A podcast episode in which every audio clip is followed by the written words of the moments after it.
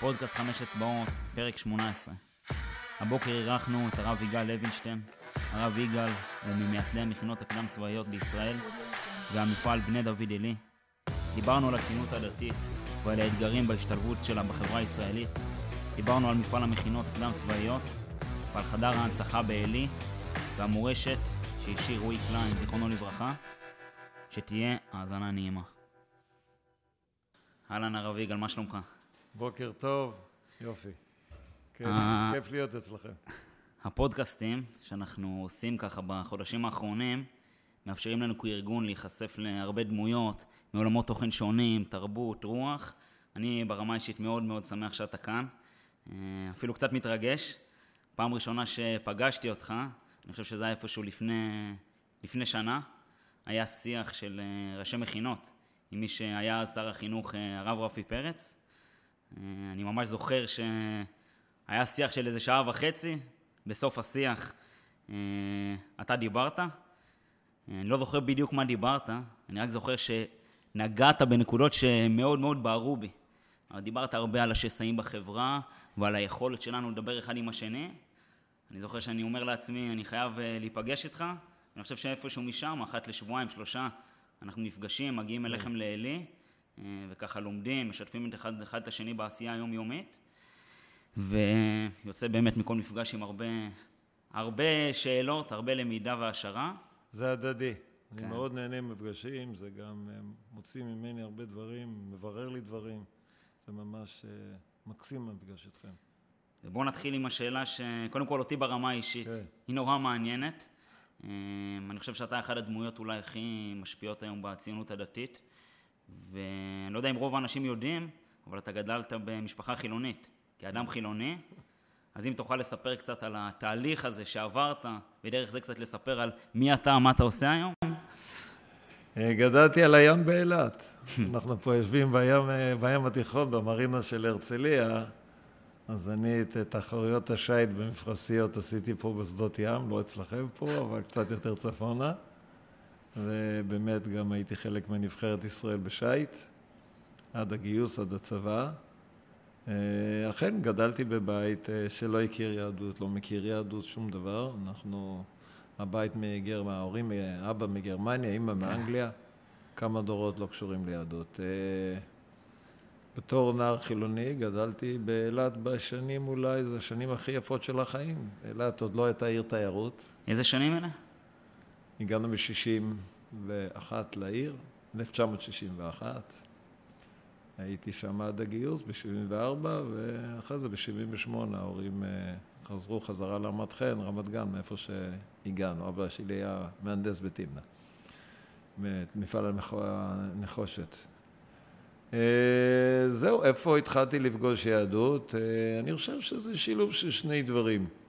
התקופה שאני חייתי בתור אדם חילוני, זה היה התקופה של, אני לא יודע, מישהו מכיר את וודסטוק, את, אה, באמריקה, את אה, ההיפיז, הביטניקים של פעם. זה עולם אנרכיסטי כזה. ובתור אה, נוער חילוני נחשפנו לכל הדברים האלה. חשבנו בהתחלה שזו בשורה גדולה לעולם, החופש והשחרור והחירות. ובאיזשהו שלב התחלתי לגלות שזה מרוקן את הפנים של האדם, זה מאבד את המשמעות, זה אומנם המון חוויות, אבל ריקון אה, פנימי.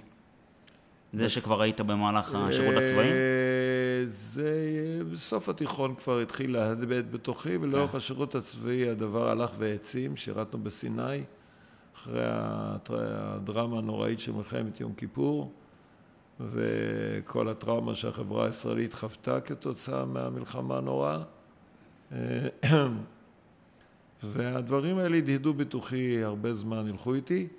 בצבא פגשתי שני בחורים, אז כמעט ולא היו חבר'ה דתיים בצבא, אבל פגשתי שתי דמויות שהיו אה, מעוררי השראה. בחיים שלהם חשתי באופן אה, אינטואיטיבי עמוק שהם חיים חיים אחרים. וסקרן אותי אה, לראות מה, מה מסתתר מאחורי החיים שלהם. מעניין. כן. אולי בהזדמנות אחרת אפשר לספר את הסיפור הזה. זה תהליך ארוך, זה לא, זה לא לוחצים על כפתור. ואחרי שסימנתי את שירותי הצבאי, את אחד החבר'ה האלה שהיה מקיבוץ אה, יבנה, חבר טוב שלי, אמרתי לו, איפה אפשר להכיר קצת יהדות? לא ידעתי מימיני ומשמאלי, ואז הוא הפגיש אותי קצת עם יהדות, קצת למדתי, בית מדרש. לא, לא, לא דמות מוכרת היום, זה לא מישהו. לא, לא, לא, לא, בחור חמוד, מתוק מדבש. אה, ופתאום גיליתי אה, אוצר אינסופי של זהות אה, אישית, משפחתית, ציבורית, עם. התחלת להעמיק בזה ברמה האישית. התחלתי, כן, ברמה האישית. התחלתי, והתחלתי להרגיש שהריקון. הפנימי שחוויתי באופן אישי הולך ומתמלא, וככל שהמילוי הלך ותפס יותר ממדים אה, בחלקי הנפש השונים, יותר ויותר נוצר שייכות והזדהות. אה, בשלב מצאתי את עצמי גם אה, אדם דתי. כן. אבל לא בגלל שמישהו סחב אותי. וזה, אתה אומר, זה תהליך, זה משהו... תהליך ארוך שלקח הרבה שנים, כן. וזה, אתה מתחיל בגיל 22, 3, צבא? אה, השאלות הראשונות כבר עלו אצלי דווקא בתור נערים צעירים שהכנו... ב... אתם לא יודעים, אבל בשנות ה... בשנים האלה, בין ה-60 ל-70, תחילת שנות ה-70, הרבה אה, ביטניקים וכל החבר'ה הזרוקים מארצות הברית הגיעו עד אילת וחיו אצלנו בחיי קומונו בהרים ליד העיר. עוד לא היה גם את התקשורת, לא היה את לא ה... כלום, אבל... אתה נכנס לאינטרנט ורואה. לא, לא, לא, זה... פגשנו אותם, ראינו את הדברים. זה היה לנו מוזר, אבל בהחלט בשורת החירות והשוויון והחופש המוחלט הדהדה בכל מקום. ודווקא בגלל שחשבנו שיש בזה משהו, אה, ניסינו את זה, נוצר איזה דיסהרמוניה בין האישיות הפנימית שמבקשת משהו יותר עמוק כן. מאשר מילוי אה, חוויות חיצוניות, מבקשת משהו יותר עמוק, ואז נוצר, אה, נוצר אצלי הפער שחיפש מילוי. מעניין. בואו נתקדם קצת קדימה.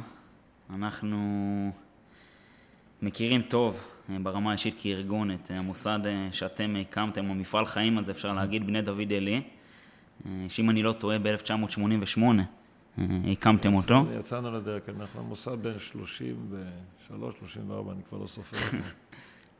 ואם אני מחזיר אותך רגע 30 שנה אחורה, שאתה מסתכל על, ה, נקרא לזה צורך, כן. על הסיבה, כן. שבגללה התחלתם עם כן. כל הרעיון הזה של בני דוד כן. עלי, כן. מה, מה זיהיתם אז?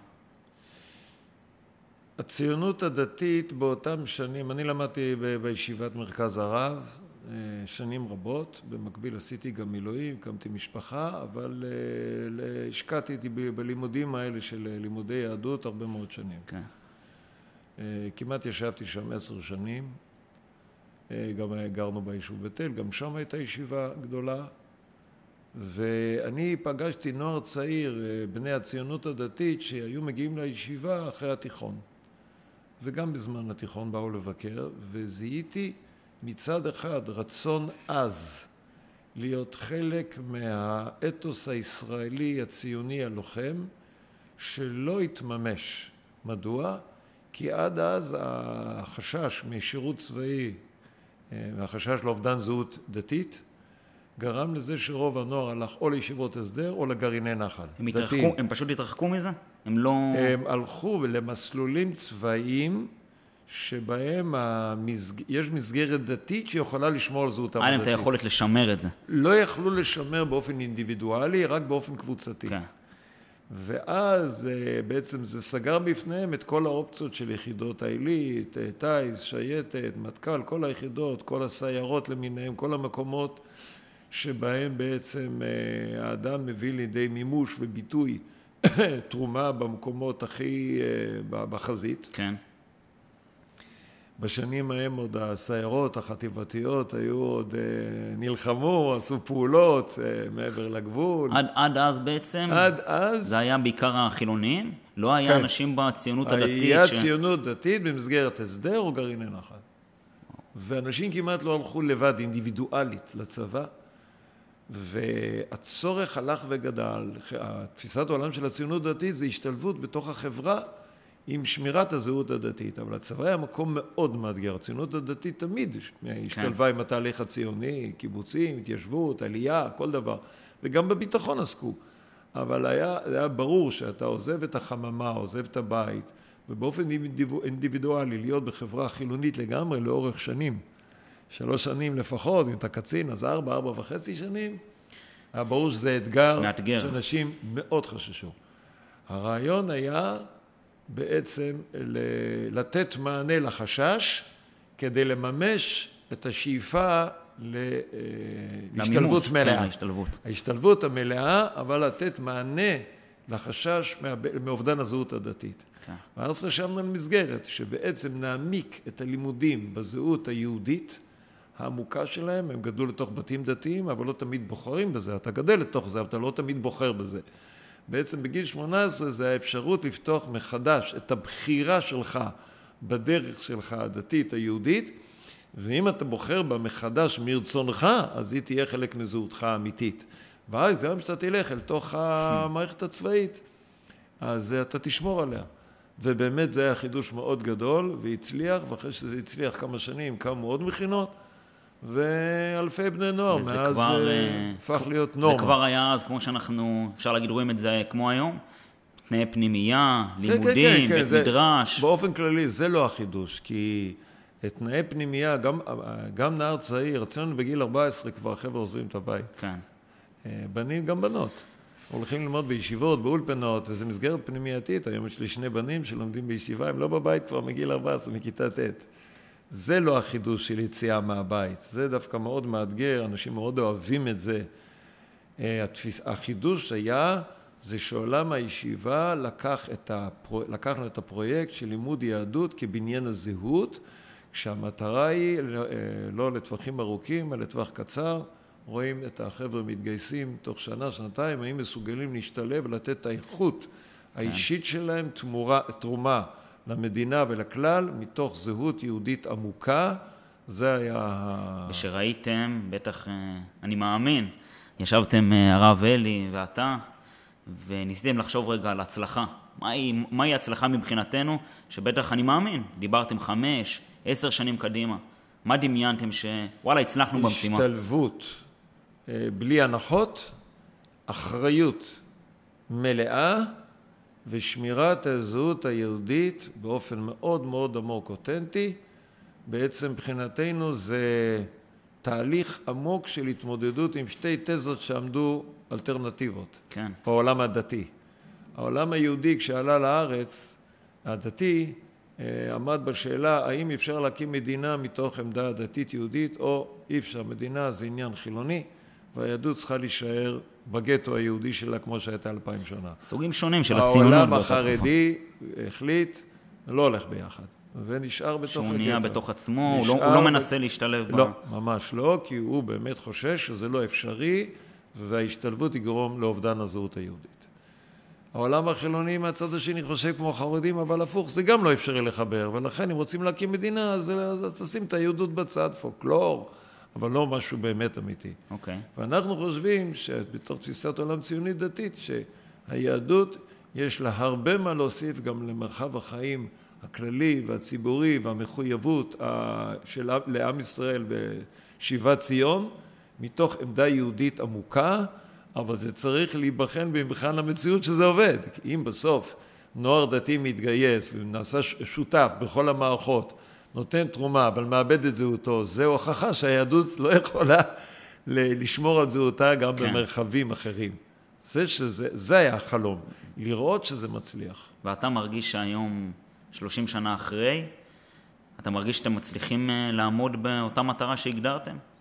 לשמר את הזהות היהודית לצד זה שגם אתם מוציאים בוגרים שהם תורמים לכלל החברה, משפיעים בצבא, מגיעים ל... התהליך היסטורית הוא נכון ומוצלח, יש גם לצידו מחירים אה, לא פשוטים, שאנחנו כל הזמן אה, חושבים כל פעם מחדש, כל שנה מחדש, איך אנחנו עושים את זה יותר טוב. מחירים, אני מתכוון במובן של, לא במובן של המוטיבציה, זה יש לחבר'ה מוטיבציה מצוינת, ש- אבל חלק כאלה שבמהלך שירותם הצבאית עוזבים את זהותם כן. היהודית הדתית, זה מבחינתנו חוסר הצלחה, כי בעצם זה אומר שזה לא אפשרי. אבל אה, זה, זה המיעוט, מיעוט אה, קטן, אבל אה, גם איתו אנחנו רוצים להצליח. זה תלוי מאוד מאוד עד כמה הנער בגיל 18-19 בנה את זהותו באופן עמוק, אותנטי, מזדהה עם זה באופן אמיתי, ואז יש לו את הכוח להתמודד עם האתגר. וזה תהליך שאתה מרגיש שהוא קורה בשנים האחרונות, או שזה כבר משהו שהתמודדתם איתו אז? מהשנה הראשונה. כן, זה, זה לא שעכשיו חש... העולם זה... המערבי אה, והפיתויים והגירויים, הם מאתגרים את זה עוד יותר. כי מה שהיה בשנות ה-90, זה לא מה שקורה בשנת 2020. היום אתה יודע, יש לנו את הסמארטפונים ואת כל הפיתויים. התהליך הוא, אני חושב על זה מהמקום שלכם, הוא עוד יותר מאתגר. אה, במובנים מסוימים, יותר, במובנים מסוימים פחות, ואני אסביר. אה, הצבא של שנות התשעים, כשהחבר'ה הראשונים הגיעו לסיירת גולני, לא היה שם אף אדם דתי. אז נכון שהצבא, החוקים שלו לשמור שבת, כשרות ותפילה, אבל לא היה דבר כזה בפועל, גם לא בשייטת. לא ראו תפילה, לא ראו בית כנסת, לא ראו כשרות, לא ראו כל מיני דברים. במובן הזה הצבא השתנה ללא הכר לטובה במובן הזה שהוא נותן היום, אחרי שלושים שנה, בגלל המאות ואלפי בחורים דתיים בכל היחידות, אז הצבא, את החוקים שהוא קבע, עכשיו הוא יכול גם ליישם. וגם הרבה מאוד אה, מפקדים מתוך הציונות הדתית גם, אז, מגיעים אז, לעמדות אז, כאלה. אז, אז, אז זאת אומרת, המציאות במובן הפשוט השתנתה לטובה. נכון. אז, אז היו האתגרים האלה. ארבעת החבר'ה הראשונים שהגיעו לסיירת גולני לפני שלושים שנה, הם בשבת ראשונה נשארו, וכל החבר'ה הקיבוצניקים יצאו, כי עבדו גם כן עד ערב שבת, גם בשבת עבדו הסיירת בשטח מאה. והמפקד אמר, חברים, מי שרוצה לצאת הביתה עכשיו יכול לצאת. כך שבוע ראשון, שבוע שני, הקיבוצניקים יוצאים הביתה בשבת, והדתיים נשארים. בשבת רביעית הם הרימו טלפון משטח שאין בו טלפונים, הצליחו לצלצל הביתה, להגיד שהם כבר שבת רביעית לא יוצאים, אבל כולם יוצאים. דיברנו עם החטיבה, הסברנו להם שנוצר פה אה, אי הבנה, שהחבר'ה הדתיים לא יכולים לצאת בשבת. ואז נתנו להם, הסיירת נתנה להם מהזמן, לקחו כמה זמן לוקח להגיע בטרמפים לכל אחד לבית שלו, בדיוק את הזמן הזה נתנו להם לפני שבת לצאת. היו להם אתגרים מטורפים, שבת חמישית, אני הגעתי אליהם לשטח, אה, לא היה עירוב, כלומר אי אפשר לטלטל שום דבר, שישה אוהלים, אין אוכל חם, אין בית כנסת, אין תפילות, אין שום דבר, ישבנו שם 24 שעות, ישבתי איתם וחיזקתי את רוחם, זה היה אתגרים אז. היום במובן הזה הרבה יותר קל בצבא, ומצד שני אתה אומר מבחינה תרבותית. כן. התרבות הישראלית החילונית לפני 30 שנה הייתה מאוד שמרנית, מאוד לאומית, מאוד מגויסת, אה, יודעים מי, מי הצודק ומי מי, שהעם היהודי צודק במאבק שלו. העולם לא היה רלטיביסטי, לא היה נרטיבים. כן. ידענו שגם העולם החילוני ידע שאנחנו בצד הצודק של המאבק. היה מגויסות. לכן ברמת הערכים הגדולים היה התאמה מאוד גדולה בין ערכים של נער ציוני דתי והחברה נכון. הסובבת אותו. היום התפיסה של הפרט והרלטזיבי... נהיה קצת יותר קיצוני. זה נהיה התרח, צד... אה, התרחק תרבותית, אף על פי שבפרקטיקה הדתית יותר קל. יותר קל, אבל, אבל ברמת הרוח... אבל תרבותית והרוח נוצרים פערים גדולים, וזה נעשה יותר מסובך ויותר קשה. כן. כן. ואני, יוצא לי, יצא לי בשנה האחרונה להגיע לא מעט פעמים לעלי, ויש לנו מושג שאנחנו מדברים אותו בחמש אצבעות הרבה, כל מתאמן שמתאמן אצלנו מכיר אותו, זה נקרא גריט. זה איזשהו להט, איזשהו ניצוץ שקיים אצל הבן אדם. אנחנו מדברים על זה לא מעט עם הנוער שלנו, ואני יכול להגיד לך שאני מגיע לעלי, אז uh, אנחנו הולכים ככה לכיוון בית מדרש, פוגשים לא מעט תלמידים, ואתה רואה אנשים ש, שהם חיים, שיש בהם איזה משהו שהוא הוא, אתה רואה משהו בעיניים שלו שהוא חי, שיש בו איזושהי רוח כזאת. וזה לא אצל תלמיד אחד ולא אצל שני תלמידים. איך אתם, ברור שזו שאלה מאוד גדולה, איך אתם מצליחים לייצר את הרוח הזאת? קודם כל צריך לדעת, התלמידים האלה, החברה הציונית דתית היא הרמונית במהלך החינוך שלה. המכינה לא מנותקת לא מהבית של הנער, לא מהישיבות התיכוניות, ולא מהתנועת נוער. כלומר, יש כאן מהלך שלם של תפיסת עולם של... אה, שמתחילה בגיל צעיר. מגיל מאוד צעיר, זאת אומרת, אהבת העם, הארץ, התורה, המחו... המחויבות לעם ישראל, ההזדהות עם ההיסטוריה ועם התרבות ועם הזהות. אדם גדל לתוך זה בבית, בבית כנסת, הילד מגיל צעיר, הוא מתפלל לשלומה של המדינה, מתפלל על עם ישראל. הוא לומד ספרי מוסר על אהבת ישראל, על אהבת הארץ, זאת אומרת, הילד מגיל, בן ובת, כן, שניהם אותו דבר, הם מגיל מאוד צעיר, וגם הבית אה, מדבר על הנושאים האלה. ותנועת הנוער והישיבה התיכונית שהוא למד, זה בית ספר התיכון אצלנו, ישיבה כן. תיכונית אולפנה. כן. כשהוא מגיע אלינו, הוא מגיע עם הערכים האלה, אולי הם לא מספיק מגובשים ולא מספיק מלוטשים, כי בסוף היה בתיכון, עשה בגרויות וכן הלאה. ובעצם בשנה, שנתיים שהוא נמצא אצלנו, הוא יושב ומזקק את השקפת העולם הזאת, שיש מחוברות עמוקה מיציאת מצרים דרך סיני, דרך מתן תורה, דרך כל ההיסטוריה, דרך רבי עקיבא. זה לא מנותק, זה המשכיות של ה... זה המשכיות לא רק בתוך הקהילה, זה המשכיות של כל ההיסטוריה, של כל התרבות. הנער מרגיש שהוא חלק מדבר גדול, שיבת ציון, זה, זה, זה החלומות, זה הכיסופים של כל הדורות. הוא מתפלל את אותן תפילות. כשאנחנו מתפללים, קבץ גלויותינו מארבע כנפות הארץ, ובני ירושלים מהרכות זה שלוש פעמים ביום, זה אנחנו מתפללים את זה כבר אלפי שנים, וזה מתממש לעינינו, ואתה רוצה להיות שייך למימוש הזה, ואתה רואה בזה זכות גדולה והזדמנות גדולה, וזה מטיל עליך אחריות גדולה. הקונטקסט הוא הרבה יותר רחב, גם ברמה של איפה, איפה הוא צומח וכל תהליך הצמיחה, וגם אחר כך, אחרי שהוא חוזר, הולך לצבא, ואחרי זה הוא מקים בית כזה, עם ראש כזה ועם שאיפות כאלה. אבל זה מחובר על כל ההיסטוריה, זה מחובר על כל הזהות העמוקה שלנו.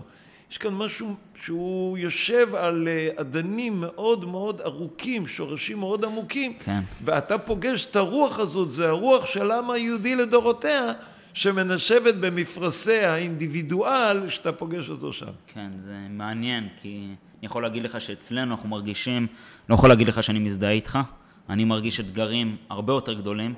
והרבה פעמים אנחנו רואים את זה כשמגיעים לחמש אצבעות והם לא בחמש אצבעות, הלהט הוא אחר, הניצוץ הוא אחר.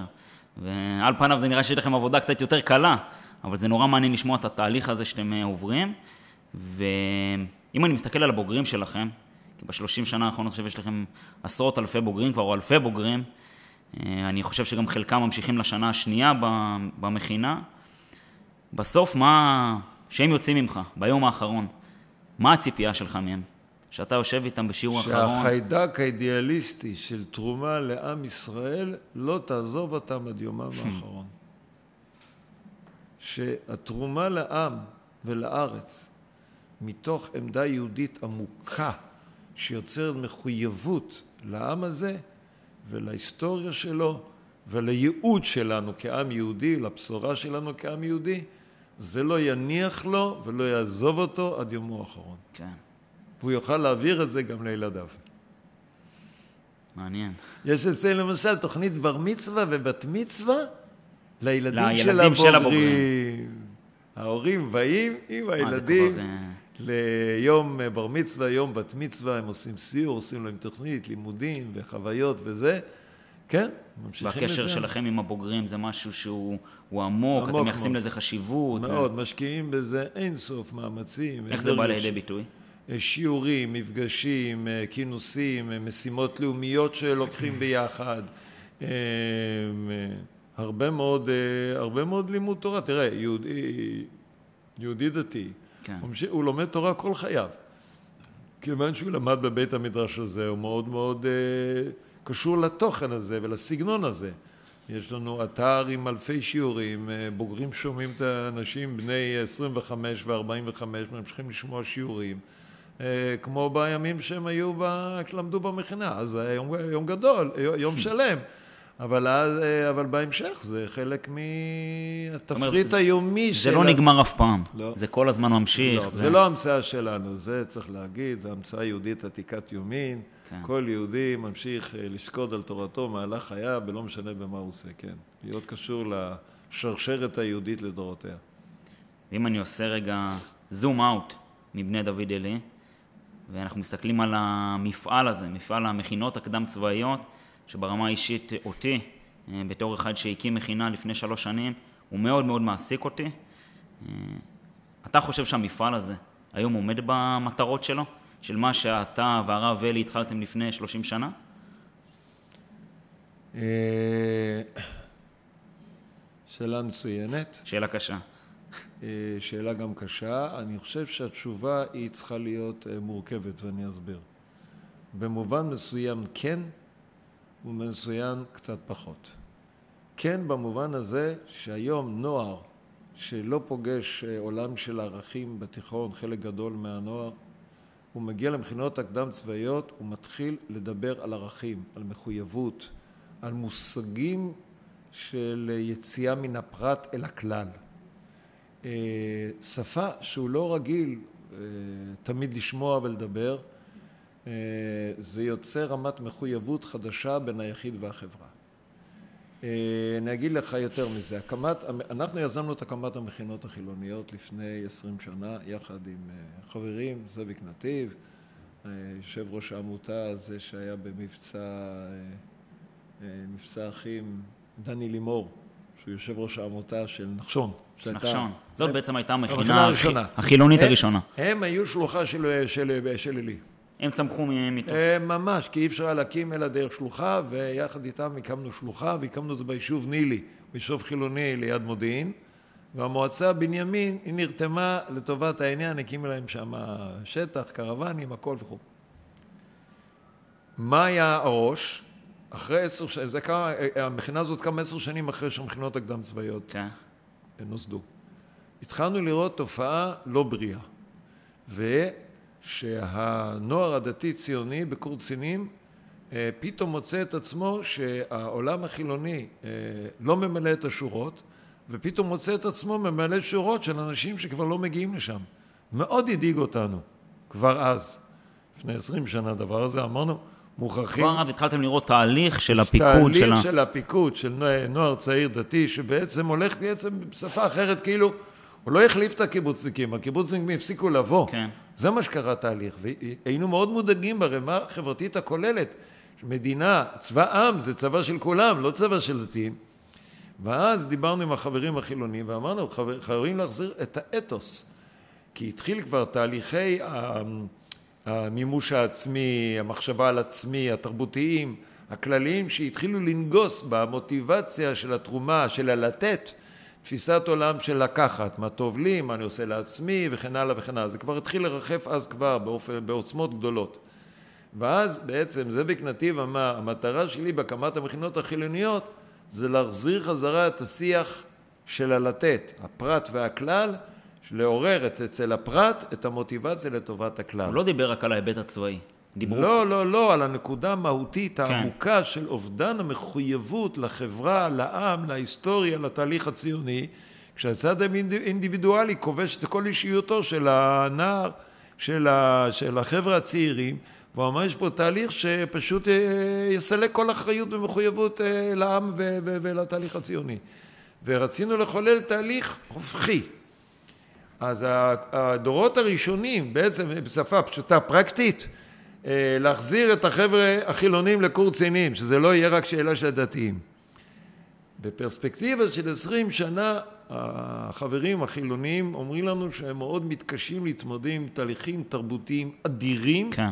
שהם מרגישים שהם יותר גדולים מהיכולת שלהם לדחוף לכיוון. כלומר, הצד האישי, הפרטי, האינדיבידואלי, הוא כל כך עוצמתי לעומת הרצון להתנדב, לתת, מחויבות וכן הלאה, שהם מתקשים ללכת נגד הרוחות, אה, בעיקר הרוחות היום, הפרוגרסיביות, שבכלל לאומיות זה דבר זר ורע וזה גזענות ופשיזם ומי הצודק ולא צודק ונרטיבי, מתחיל תהליך פירוק עמוק, הרבה יותר עמוק ולכן הרבה יותר קשה ליצור נכון. מחויבות. זה נהיה יותר מאתגר עם השנים. יותר מאתגר. אני תפילה ותקווה שיוכלו לעשות את המהפך הזה. עכשיו... קודם כל אני חושב שאתם יכולים להיות בשורה, כי אני רואה שאתם בראש כזה. צריכים למצוא את, תמצאו את הדרכים איך לעשות את זה. יש עוד כמה גופים כאלה. אבל בהחלט זה אתגר גדול, כי אם בסוף המכינות יהיו רק מסגרת שחבר'ה עוברים חוויה נחמדה במשך שנה, אבל בסוף לא נוצר תהליך של שינוי פנימי עמוק של אחריות, לקיחת אחריות על העם, על הארץ, על המדינה, אז אנחנו מפספסים בעומק את המפעל הזה. זה גם יותר מזה. כי אתה יודע, כמו, כמו, כמו כל ארגון, מפעל שקם בתחילת הדרך, דברים גם משתנים. לא בטוח שמה שהיה אז הגדירו כמשימה, כמטרה, אה, ואתה דיברת על זה שלקחו את זה ישר בהיבט הצבאי קודם כל. כאילו, מי שמגיע לקורסי הפיקוד, הקצונה, זה החבר'ה מהציונות הדתית. השאלה אם היום אותה מטרה היא עומדת בראש סדר העדיפויות. אצלי או בכללי? אני מדבר על כלל המפעל הזה.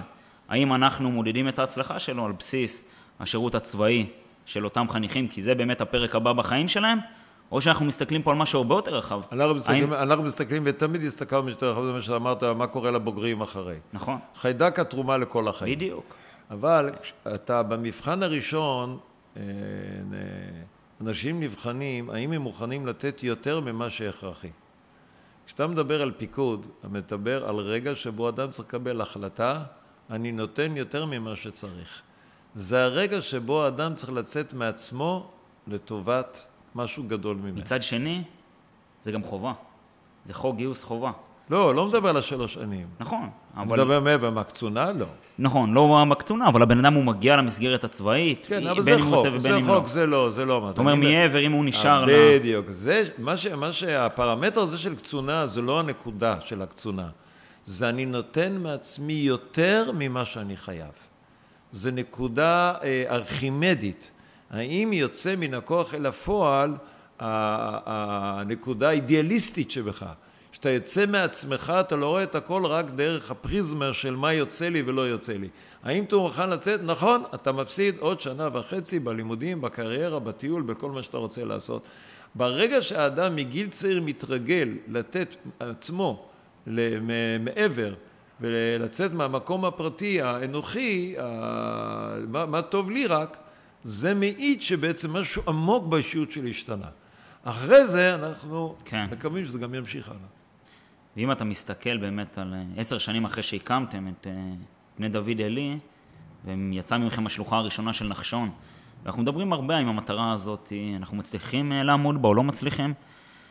אתה חושב שהיית עושה אולי משהו קצת אחרת?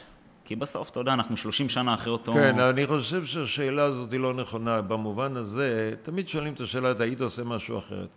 כי השאלה היא לא מה אני יודע היום שלא ידעתי אז.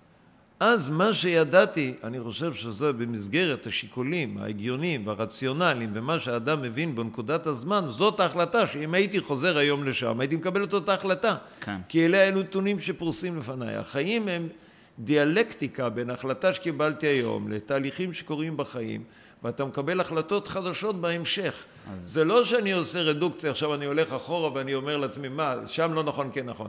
תחזור עכשיו אחורה לאותם תנאים, לאותן תובנות שהחברה הישראלית, אני, כל מה שחיינו בתוכם, זו הייתה התובנה הקיימת, היינו, אני מניח, מקבלים את אותן החלטות. האם יש מקום לעשות שינויים ושיפורים לנוכח הצלחה יותר טובה או פחות טובה? נראה לי שכל חברה, כל עסק, כל מודל שאדם עושה בחיים, זו הדרך שבה הוא צריך לעבוד.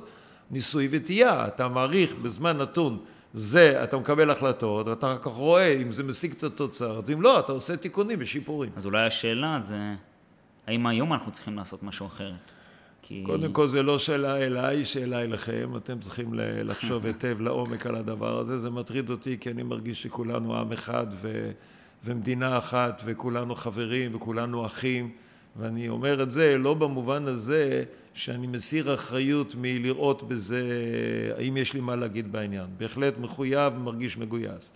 אבל בסוף העולם הדתי שבו אני חי ואנשים אה, שהם לא דתיים הם חיים אה, סל ערכים ותפיסות קצת אחר איך עושים את זה נכון, איך בונים את החיבור של הפרט אל הכלל בכלים שהם לא תמיד הכלים שלי, לזה התכוונתי, זו משימה שמוטלת עליכם. לא במובן שאני מסיר מעצמי אחריות, מרגיש מחויבות גדולה לעניין והדו שיח בינינו אולי יכול להפרות אחד את השני אולי אתם יכולים אה, אה, מהדו שיח למצוא כלים ודרכים ורעיונות ושאיפות אה, להוליד בקרב הצעירים שאתם פוגשים בסוף כולנו עם אחד בני איש אחד בני יעקב אבינו כולנו כל השבטים כולנו וצריך לראות איך אנחנו מצליחים ביחד. יכול להגיד לך, וזה עוד פעם מהניסיון שלנו, שאחד הדברים שאנחנו מנסים לעשות, או לפחות אני, ויוצא לי גם להסתובב בלא מעט מכינות, מנסים אה, לייצר, כולנו מדברים על העבר ועל ההיסטוריה, ולייצר אנשים שהם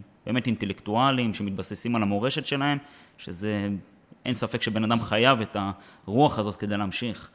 אבל אני חושב שיש קצת התעלמות מהצד האישיותי. שקודם כל, תעשה את הדברים הקטנים ביום-יום בצורה טובה. עד הסוף. יש לך שיעור, תגיע בזמן. תבוא גם עם מחברת. תגיד בסוף תודה למרצה שיוצא מהאולם שלך.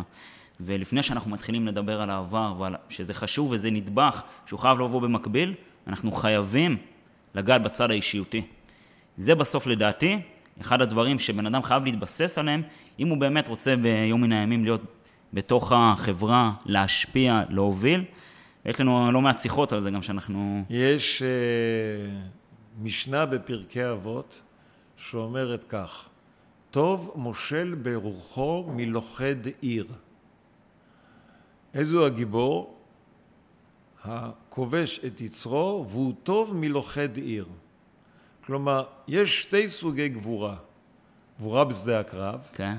וגבורה להיאבק עם החולשות שלי. המאבק עם, אומר, והמשנה אומרת, המאבק עם החולשות שלי זה קרב יותר גדול מאשר להיות הקרב, בקרב. להיות בקרב הכללי. משתי סיבות. הקרב הכללי הוא קורה לעיתים רחוקות ונדירות בעולם. ב', הוא מאוד מאוד ממוקד, הוא מאוד מאוד ברור. אבל הקרב עם החולשות הוא לא מסתיים לעולם, וחולשות יש בלי סוף. אז יהדות היא מתחילה מהנקודה שבה אתה עכשיו אמרת, גם משם היהדות מתחילה. היא רואה חזון גדול לנגד עיניה, אבל אי אפשר לממש אותו בלי שהאדם יודע להשתלט על עצמו בראש ובראשונה, איזו הגיבור הכובש את ישרו. אז הם עובדים בפרטים הקטנים. תשמע, הם קמים כל בוקר לתפילה בלי הנחות. אין ספק. אז אצלנו זה הצד הספורטיבי. שאתם קמים לתפילה ואנחנו קמים. אז הם צריכים להגיד תודה כשהם אוכלים. זה לא מובן מאליו, אומרים תודה לקדוש ברוך הוא. מעניין. אחד הדברים, אמיר ואני, שאנחנו מגיעים ככה לעלי, דבר ראשון שאנחנו עושים, לא נראה לי שסיפרנו לך את זה, אנחנו גם מגיעים לבית מדרש המרכזי שלכם, לוקחים שם ימינה ומגיעים לחדר ההנצחה. וכשאתה מגיע לחדר ההנצחה זה קשה להסביר את התחושות, כשאתה רואה את התמונות של, ה...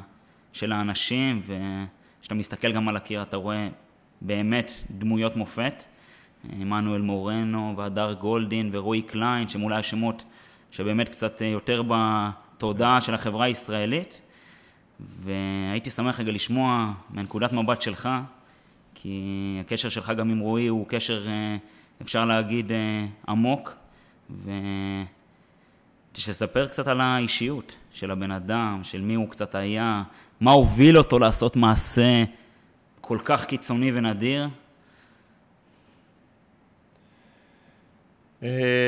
אה, קודם כל אתה נוגע בנקודה מאוד מאוד אישית. כן. אני אה, קשור לא רק אה, שלמד אצלנו, החיים גלגלו אותי שאשתי, זיכרונה לפרעה, נפתחה לפני חמש שנים, ומצאנו את עצמנו, שרה ואני, אשתו של רועי, מתחתנים, והיום אני מגדל את הילדים, יחד איתה את הילדים שלהם. אה, בהחלט זה כבר הפך להיות קשר דם, כן. קשר חיים. וואו. אה, אז אה, דמותו, אישיותו מהדהדת בבית כל הזמן, אנחנו חיים את זה, את הספרייה שיש בכניסה לבית, הספרייה התורנית, זו ספרייה שלו. הספרים שאנחנו קוראים ומעיינים, רואים את ההערות שלו על הספרים, את ה... מה שהוא כתב בשולי הגיליון. דברים אה, מדהימים. אה, הילדים מכירים את הספרים, לומדים מתוכם. לכמה הילדים שלו?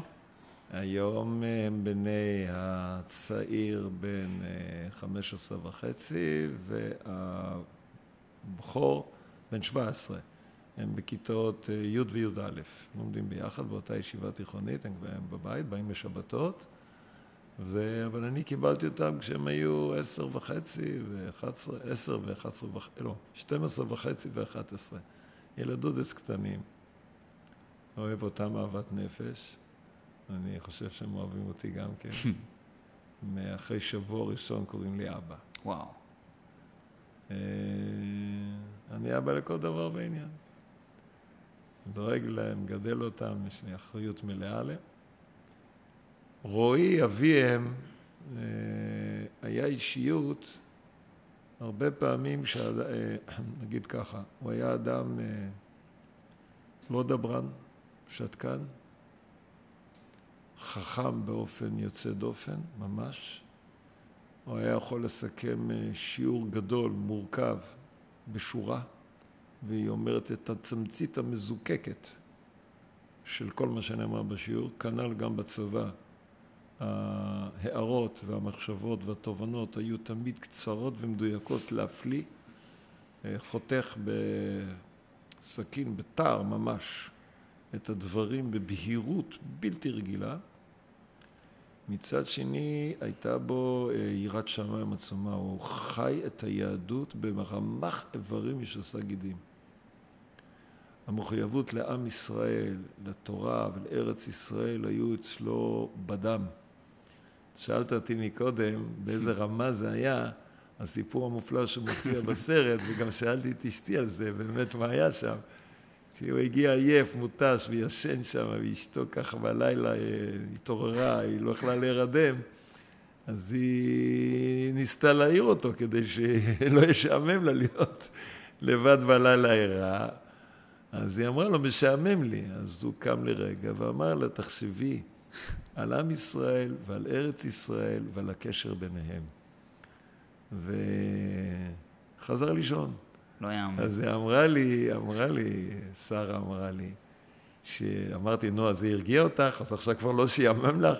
אומרת, פשוט התביישתי לדבר יותר עם אדם כזה גדול, שגם כשהוא ישן, על זה הוא חושב, על זה הוא חולם כשמעירים אותו. זה אדם גדול. הוא חי היה... את זה במובן כנראה מאוד עמוק, אבל זה, זה היה מוצנק, היה מאוד מאוד צנוע, מאוד נסתר, נחבא אל הכלים, ממש. זה שאדם אה, זכה לרגע כזה, אה, שבאמת אישיו, אישיותו והמעשה שלו הדהד מקצה העולם ועד קצהו, כי השמע ישראל השם אלוקינו שם אחד אצלו זה לא היה סיסמה, זה היה DNA של האישיות שלו. בעצם את כל, בתמצית, זה, זה בסוף, השמע ישראל הזה זה התמצית של היהדות. הוא חי את זה עמוק. זה כנראה, כמו שהיה אדם שידע להגיד דברים בתמציתיות, במשפט אחד, את כל, כל האישיות או האישיות שלו, שכל כולה אהבת ישראל, מסירות נפש של עם ישראל. זה, שם הכל השתלב, אהבת השם, אהבת ישראל עד כלות, מסירות הנפש עבור החברים, להציל אותם. רץ לנוכח פני אויב, לסכן את נפשו בלי פחד ומורא. חיבור המופלא הזה של העולמות האלה התפרץ מגרונו, וזה כנראה, זה יותר גדול מכולנו, התפרץ מהאישיות משהו שהוא יותר גדול מכל מה שיכולנו בכלל להכיר, כי מה שאדם גנוז בתוכו הוא זה אין סוף קומות, שאנחנו בעולם ההכרה שאנחנו מכירים בני אדם, כן. קרים רק צדדים גלויים, לפעמים אנשים הם צנועים, אתה לא יכול לדעת שום דבר. תתפרץ פה משהו שיותר גדול ממה שיכולנו להכיל. זה מטורף, קשה להסביר במילים, באמת. כן, זה... כן, כן, מדהים. ואם אני ככה... לי באופן אישי, סתם, אני לא יודע, אני סיפרתי לכם גם מקודם, כשאני, אה, כשאני אה, בימי הזיכרון, אני יושב איתה בבית, אנחנו, זום הזיכרון, ביום שהוא נהרג, אז אה, אני מרגיש לא ראוי. הרבה פעמים לשבת בבית הזה עם האלמנה והילדים שלו, זה הרבה פעמים מרגיש גדול, גדול עליי הרבה מידות. מדהים. יוצר מחויבות גדולה. הרב יגאל, אני רוצה להגיד לך הרבה תודה. אה, בכלל, על השנה האחרונה שאנחנו ככה לומדים ונפגשים. בשבילי כל מפגש זה תמיד מעשיר ומלמד, וגם השיח עכשיו, שיח מרתק, והרבה תודה, ובהצלחה לכם. אני על... רוצה להגיד לכם תודה. יש לכם אחריות אדירה על uh, עתיד הנוער פה בארץ. זה, יש לזה השלכות על המדינה ועל עתידה ועל עתידנו, שיבותינו. אנחנו לא, אנחנו לא רק start-up nation, אנחנו צריכים גם לחדש בעולם הרוח. העם היהודי תמיד היה start-up nation ברוח, הבשורה, המוסר של המין האנושי. אנחנו צריכים לחזור ולחדש גם כן את ה... החלומות האלה והשאיפות האלה. והלוואי שביחד, מהדו-שיח והנוער, אני מאמין גדול בנוער, חילוני, דתי, כולם, בסוף כולם יהודים, נשמה יהודית עמוקה גנוזה בכולם. כשזאת תתפרץ, העולם יעמוד משתאה לא רק מהטכנולוגיה שיש לנו, אלא גם מרוח האדם הגדולה שאנחנו עושים בקרבנו. תודה רבה.